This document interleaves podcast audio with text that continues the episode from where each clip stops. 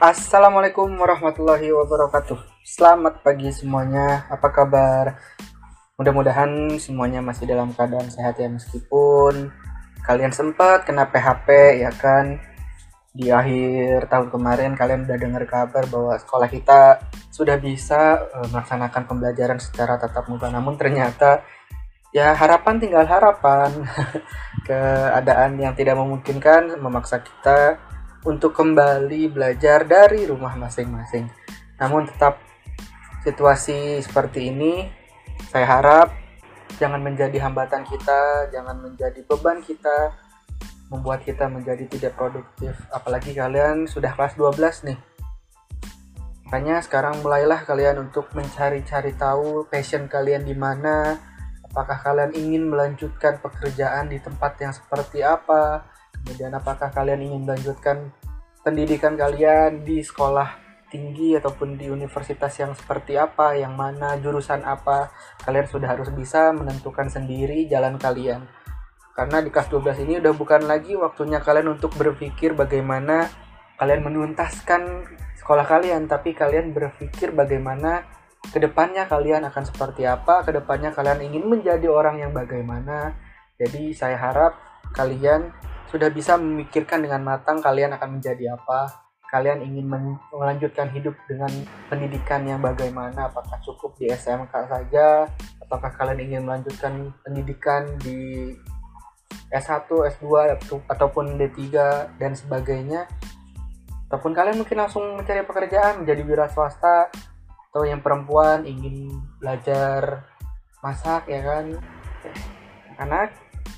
Pada kesempatan kali ini kita akan membahas materi yang sudah saya tugaskan di minggu kemarin yaitu di minggu ketiga. Adapun untuk nilainya sengaja saya keep menunggu uh, kelas kalian untuk menyelesaikan semua tugasnya karena ternyata pengalaman kemarin ternyata ketika saya sudah nilai kemudian saya share nilainya di Google Classroom ternyata banyak yang nyontek ya walaupun sebenarnya tanpa saya nilai pun banyak yang nyontek ya bahkan yang cross class juga sama kelas yang lain gitu kan. Nyonteknya juga ada karena kelihatan banget dari hurufnya sama dari uh, edit editannya juga kalau saya cek di properties ya kan. Nah itu udah kelihatan siapa awalnya siapa mulanya. Jadi silahkan kalian dengan belajar dengan sungguh-sungguh. Jangan pernah kalian coba-cobalah untuk nyontek. Belajar bareng boleh cuman ya toh ya bedain lah. Kemudian modifikasi sedikit lah atribusinya gitu kan. Sedikit bekerja lah. Jangan ketahuan ini dari siapa awalnya.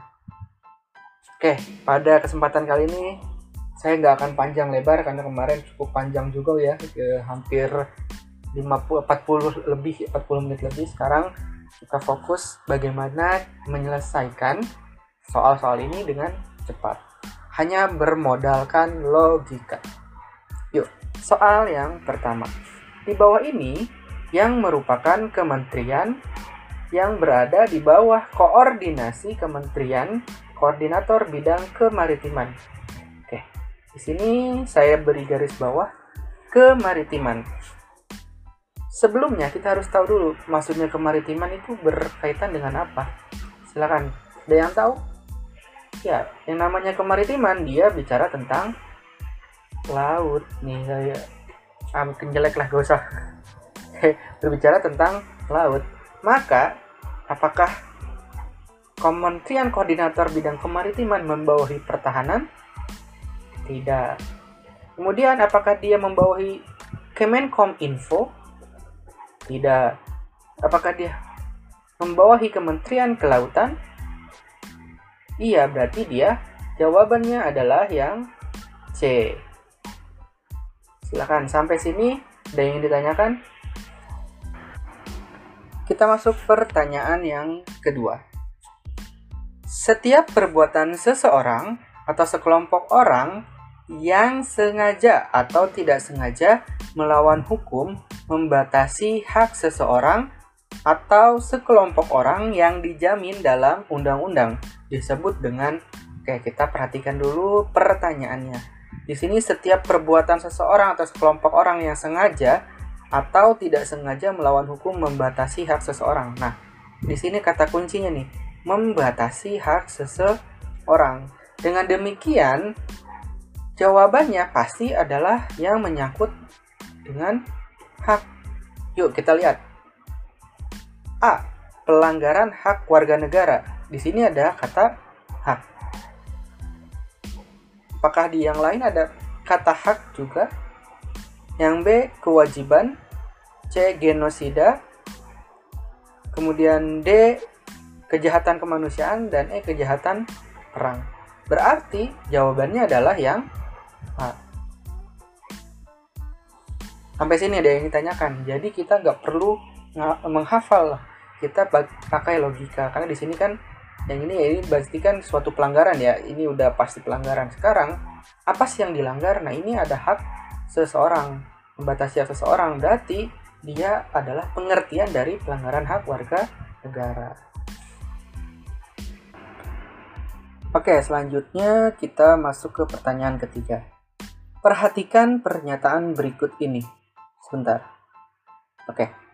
Satu, penyalahgunaan kekuasaan. Kedua, rendahnya toleransi. Ketiga, aparat penegak hukum yang kurang tegas. Lalu yang keempat, kurangnya kesadaran akan hak warga negara.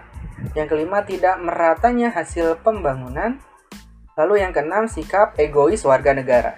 Nah, dari pertanyaan di atas yang merupakan faktor nih eksternal penyebab pelanggaran hak warga negara adalah nah ini mungkin udah pernah dibahas ya di semester pertama. Namun di sini kita nggak akan bahas materinya, kita berdasarkan logika. Bagaimana cara cepatnya kita bisa menyelesaikan suatu soal tanpa kita hafal. Jadi modal logika aja. Yuk, yang pertama, penyalahgunaan kekuasaan. Apakah dia dari eksternal atau dari luar ya? Dari luar diri kita sebagai warga negara? Iya. Lalu, rendahnya rasa toleransi. Toleransi ini muncul dari dalam diri atau dari luar diri kita? Dari dalam diri kita, berarti dia bukan eksternal. Kemudian, aparat penegak hukum yang kurang tegas. Apakah ini dari eksternal ataukah ataukah dari internal diri kita? Ya, dia dari eksternal. Lalu yang keempat, kurangnya kesadaran akan hak warga negara. Berarti ini dari internal kan jawabannya. Lalu yang kelima, sikap atau sikap lagi tidak meratanya hasil pembangunan. Apakah ini eksternal? Iya, karena yang namanya pembangunan gak mungkin kita yang membangun negara ini kan. Berarti itu dari suatu negara. Lalu terakhir sikap egois. Pasti namanya egois dari dalam diri kita sendiri. Berarti jawabannya adalah 1, 3, dan 5. Sini ada 1, 3, dan 5. Berarti jawabannya adalah yang B. Sampai sini. Ada yang ingin ditanyakan? Sekarang kita lanjut pertanyaan yang berikutnya. Nah, di sini berkesinambungan nih dari yang tadi. Tadi kan sudah dijelaskan bahwa yang nomor 1, 3, dan juga 5 itu adalah eh sebentar Nah, itu adalah faktor eksternal. Sekarang, dari pernyataan di atas yang merupakan faktor internal. Berarti kebalikannya. Yang mana? Berarti yang nomor 2, lalu nomor 4, dan juga nomor 6. Mana jawabannya yang D? Nah, cepat kan? Kita nggak butuh waktu banyak kita hanya cukup satu menit atau dua menit paling lambat. Sampai sini ada yang ditanyakan silahkan. Jadi terus kembangkan logika kalian yang namanya PPKN itu kan pelajaran yang nggak mesti menghafal. Selama kalian logikanya jalan maka semuanya akan mudah dijawab. Kita beralih ke pertanyaan kelima. Di bawah ini contoh kasus sehingga seorang anak lahir dengan bipatrit atau dua keluarga negaraan. Berarti yang namanya dua keluarga negaraan, dua ya dua keluarga negaraan, berarti apa?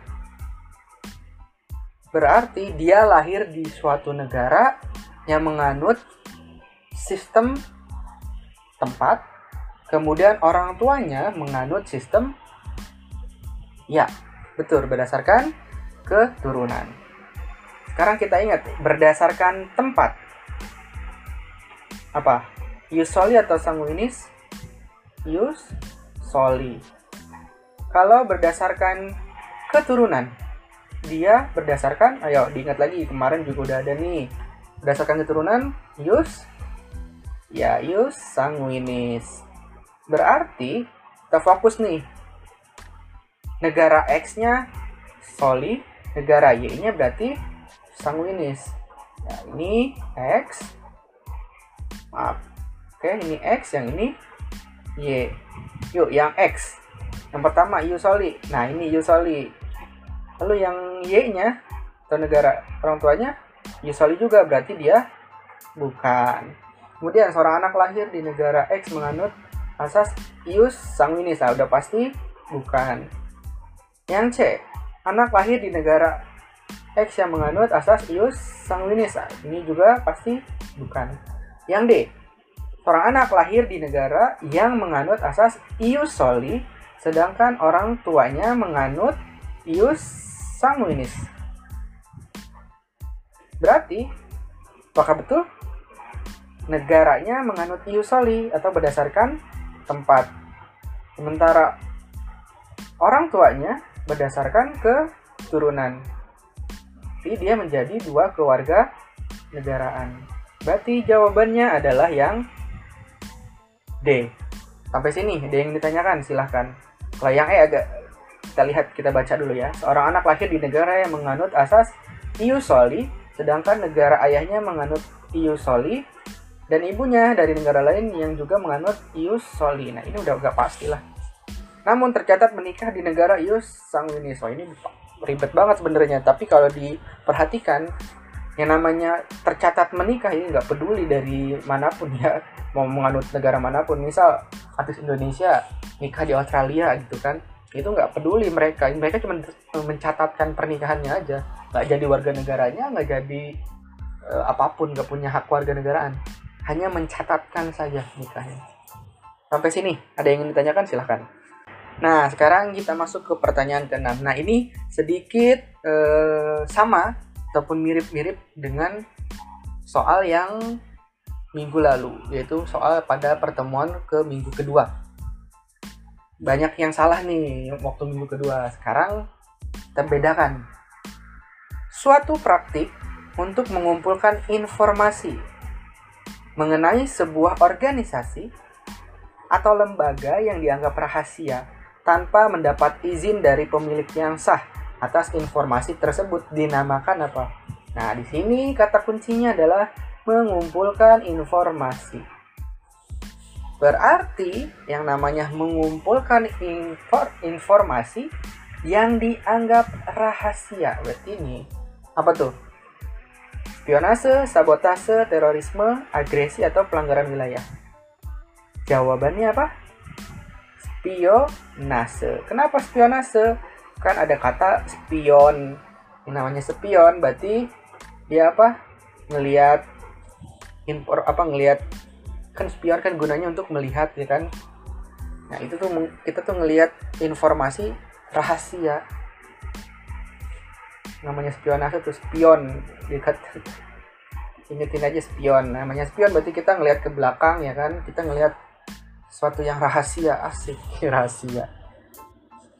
Sampai sini ada yang ingin ditanyakan? Silahkan. Pokoknya harus dibedakan. Kalau pelanggaran wilayah berarti dia apa? Memasuki suatu wilayah tanpa izin. Kalau agresi emang tanpa izin tapi bentuknya berbentuk perang. Kita lanjut ke pertanyaan berikutnya. Di bawah ini yang merupakan dampak negatif kemajuan iptek dalam bidang ekonomi. Nah, ini harus kita garis bawahi, ekonomi. Yang A, Indonesia akan dibanjiri oleh barang-barang dari luar negeri akibat dari adanya pasar bebas. Ini di bidang apa nih? Ya, bidang ekonomi. Berarti kita ini checklist. Kita cek dulu yang lain. Munculnya gaya hidup konsumtif dan juga kita konsumtif. Maaf sebentar. Konsumtif dan juga hedonisme. Gaya hidup nih.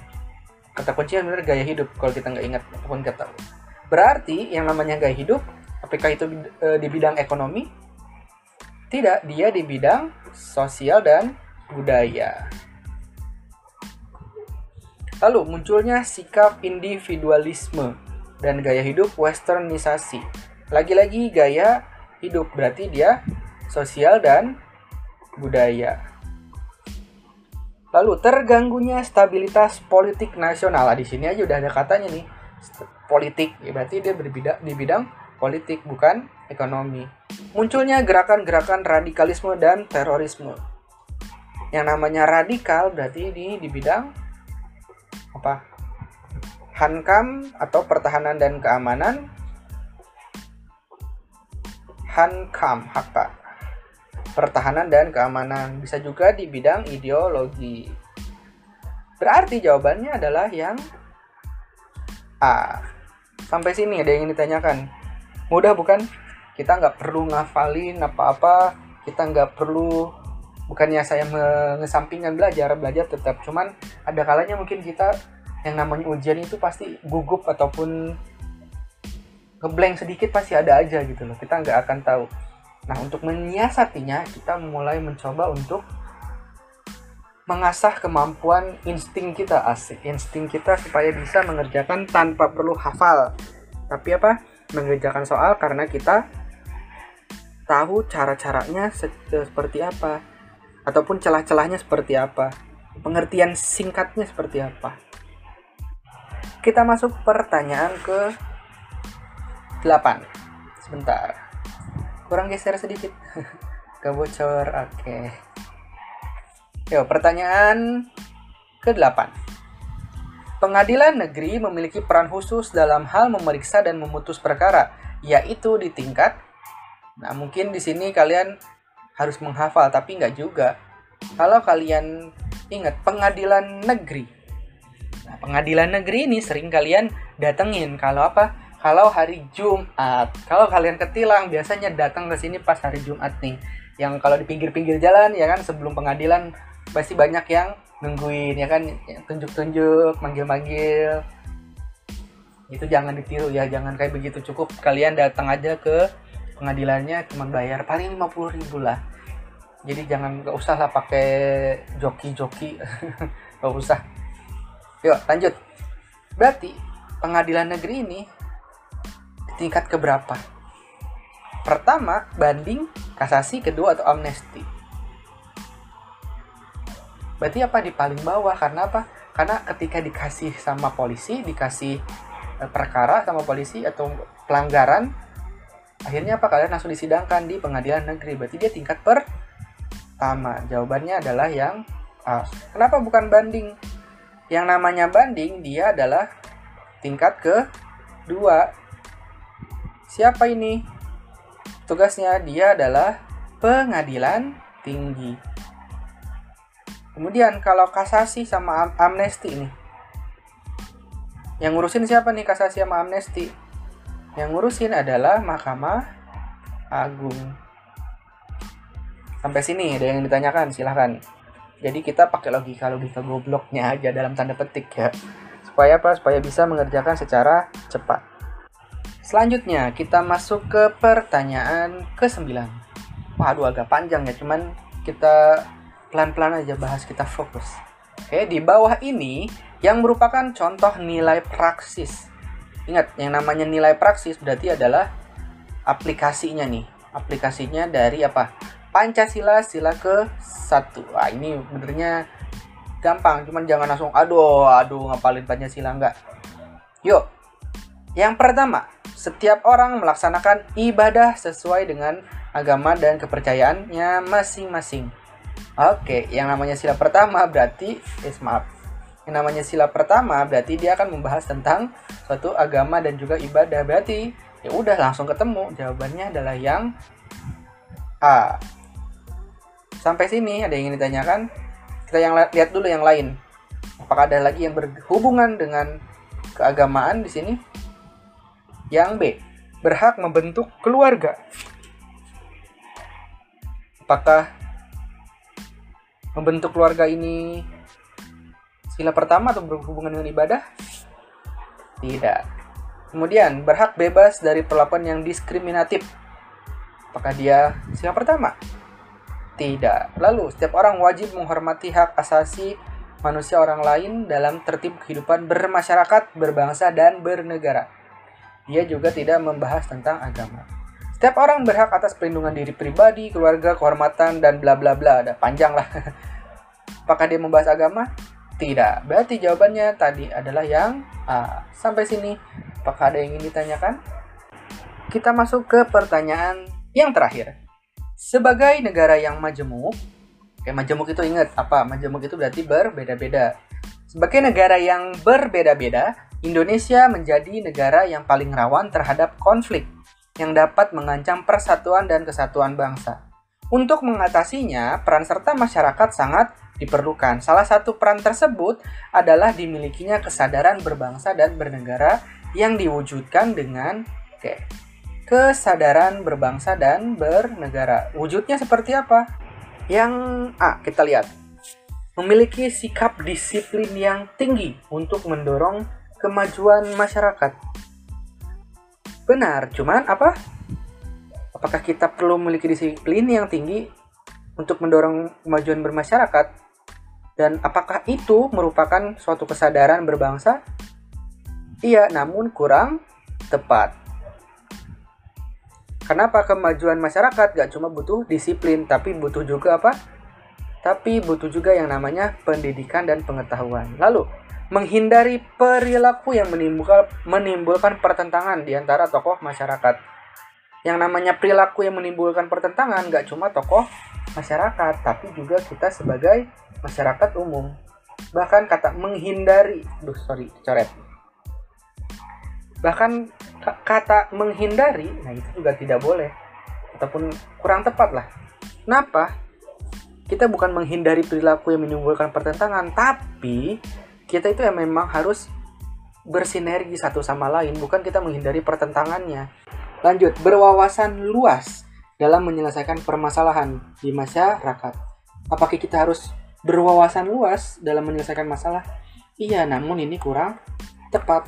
Karena yang, da, yang namanya menyelesaikan masalah tidak perlu wawa, bukan hanya memerlukan wawasan yang luas, tapi juga harus apa berwibawa dan juga adil.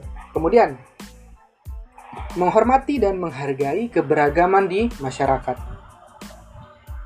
Apakah ini merupakan kesadaran berbangsa dan bernegara yang bisa menyelesaikan ancaman terhadap persatuan dan kesatuan? Iya, berarti jawabannya adalah yang D. Lalu yang terakhir kita cek dulu ya. Memiliki sikap hidup modern dan mampu memanfaatkan teknologi modern. Benar, cuman ini bukan satu hal yang mencerminkan kesadaran untuk mengatasi ancaman terhadap persatuan dan kesatuan. Yang jelas berarti jawabannya adalah yang D. Sampai sini ada yang ingin ditanyakan? Kalau tidak ada, jangan lupa atau mungkin kalian ingin bertanya, silahkan tuliskan aja di kolom komentar, entah itu di Google Classroom ataupun di YouTube ini ataupun di Spotify, silahkan. Kemudian kalau kalian ingin bertanya, saya juga punya uh, Google Meet nantinya. Silahkan yang nanti akan saya share kepada kalian. Kalau kalian ingin sharing ataupun ingin tanya-tanya kepada saya ataupun nomor saya juga silahkan atau ingin kalian ingin tanya-tanya atau sharing silahkan. Kita utarakan melalui Google Meet dan juga bisa melalui chatting ataupun uh, via WA. Jadi silahkan kalian kalau ada yang ingin tanyakan jangan ragu-ragu, mari kita sharing, mari kita ber, uh, berbicara satu sama lain untuk lebih mengeratkan asik mengeratkan. Maksudnya supaya kita tuh gak ada miskomunikasi. Jangan sampai saya ngasih materi tapi kalian gak ngerti. Saya harap apa pun yang kalian rasakan misalkan tidak mengertian kalian kalian utarakan kepada saya supaya nanti saya bisa memperbaikinya saya bisa lebih mengimprove diri saya menjadi yang lebih baik lagi supaya kalian juga bisa belajar dengan maksimal. Nah, anak terima kasih banyak. Jangan lupa untuk selalu mengisi presensi dan juga tugasnya. Sampai ketemu lagi di minggu berikutnya atau di pertemuan selanjutnya. Saya akhiri. Assalamualaikum warahmatullahi wabarakatuh dan selamat pagi semuanya.